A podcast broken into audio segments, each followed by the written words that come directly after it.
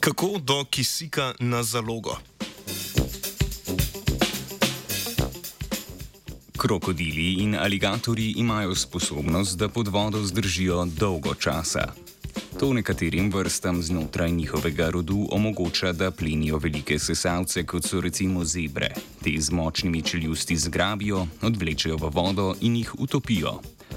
Pa vendar, tokrat znanstvene skupine ni zanimalo plenilsko vedenje krokodilov in aligatorjev ali njihovo prehranjevanje. Preučevala je, katere spremembe v krvnem barvilu hemoglobinu so tej skupini vretenčarjev omogočile, da pod vodo zadržujejo dih tudi po več ur. Svoje ugotovitve je objavila v znanstveni reviji Current Biology.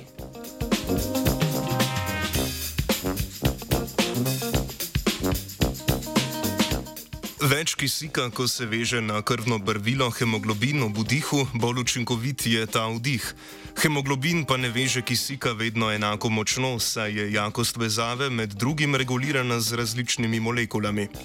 Pri večini vretenčarskih skupin vezavo kisika na krvno barvilo regulirajo molekule z organskim fosfatom, denimo ATP.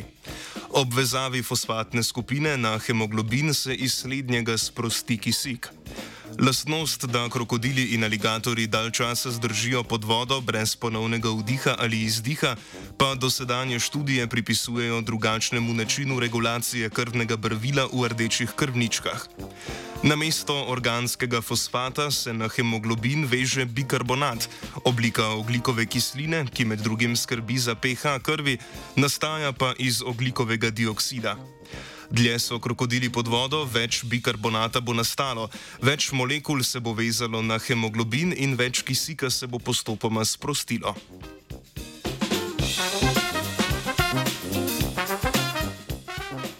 Postopno sproščanje kisika iz hemoglobina zaradi vezave bikarbonata je pridobitev značilna le za krokodile in aligatorje.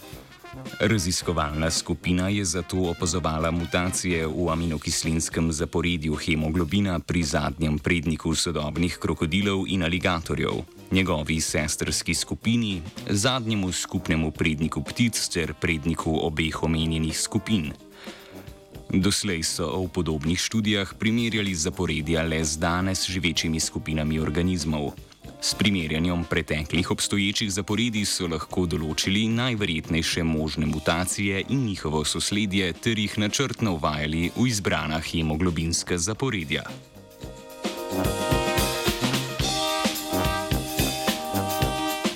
Z rekonstrukcijo različnih molekul hemoglobinov so znanstvenice in znanstveniki pokazali, da je le hemoglobin sodobnih krokodilov občutljiv na bikarbonat, hkrati pa mu manjka vezavno mesto za fosfat.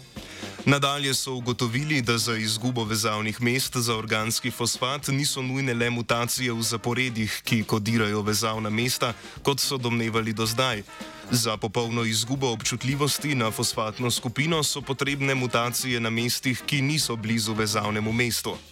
Na enak način, z mutacijami na mestih, ki določajo funkcijo proteina in mutacijami v okoliškem zaporedju, so krokodili in aligatori pridobili vezavno mesto za bikarbonat.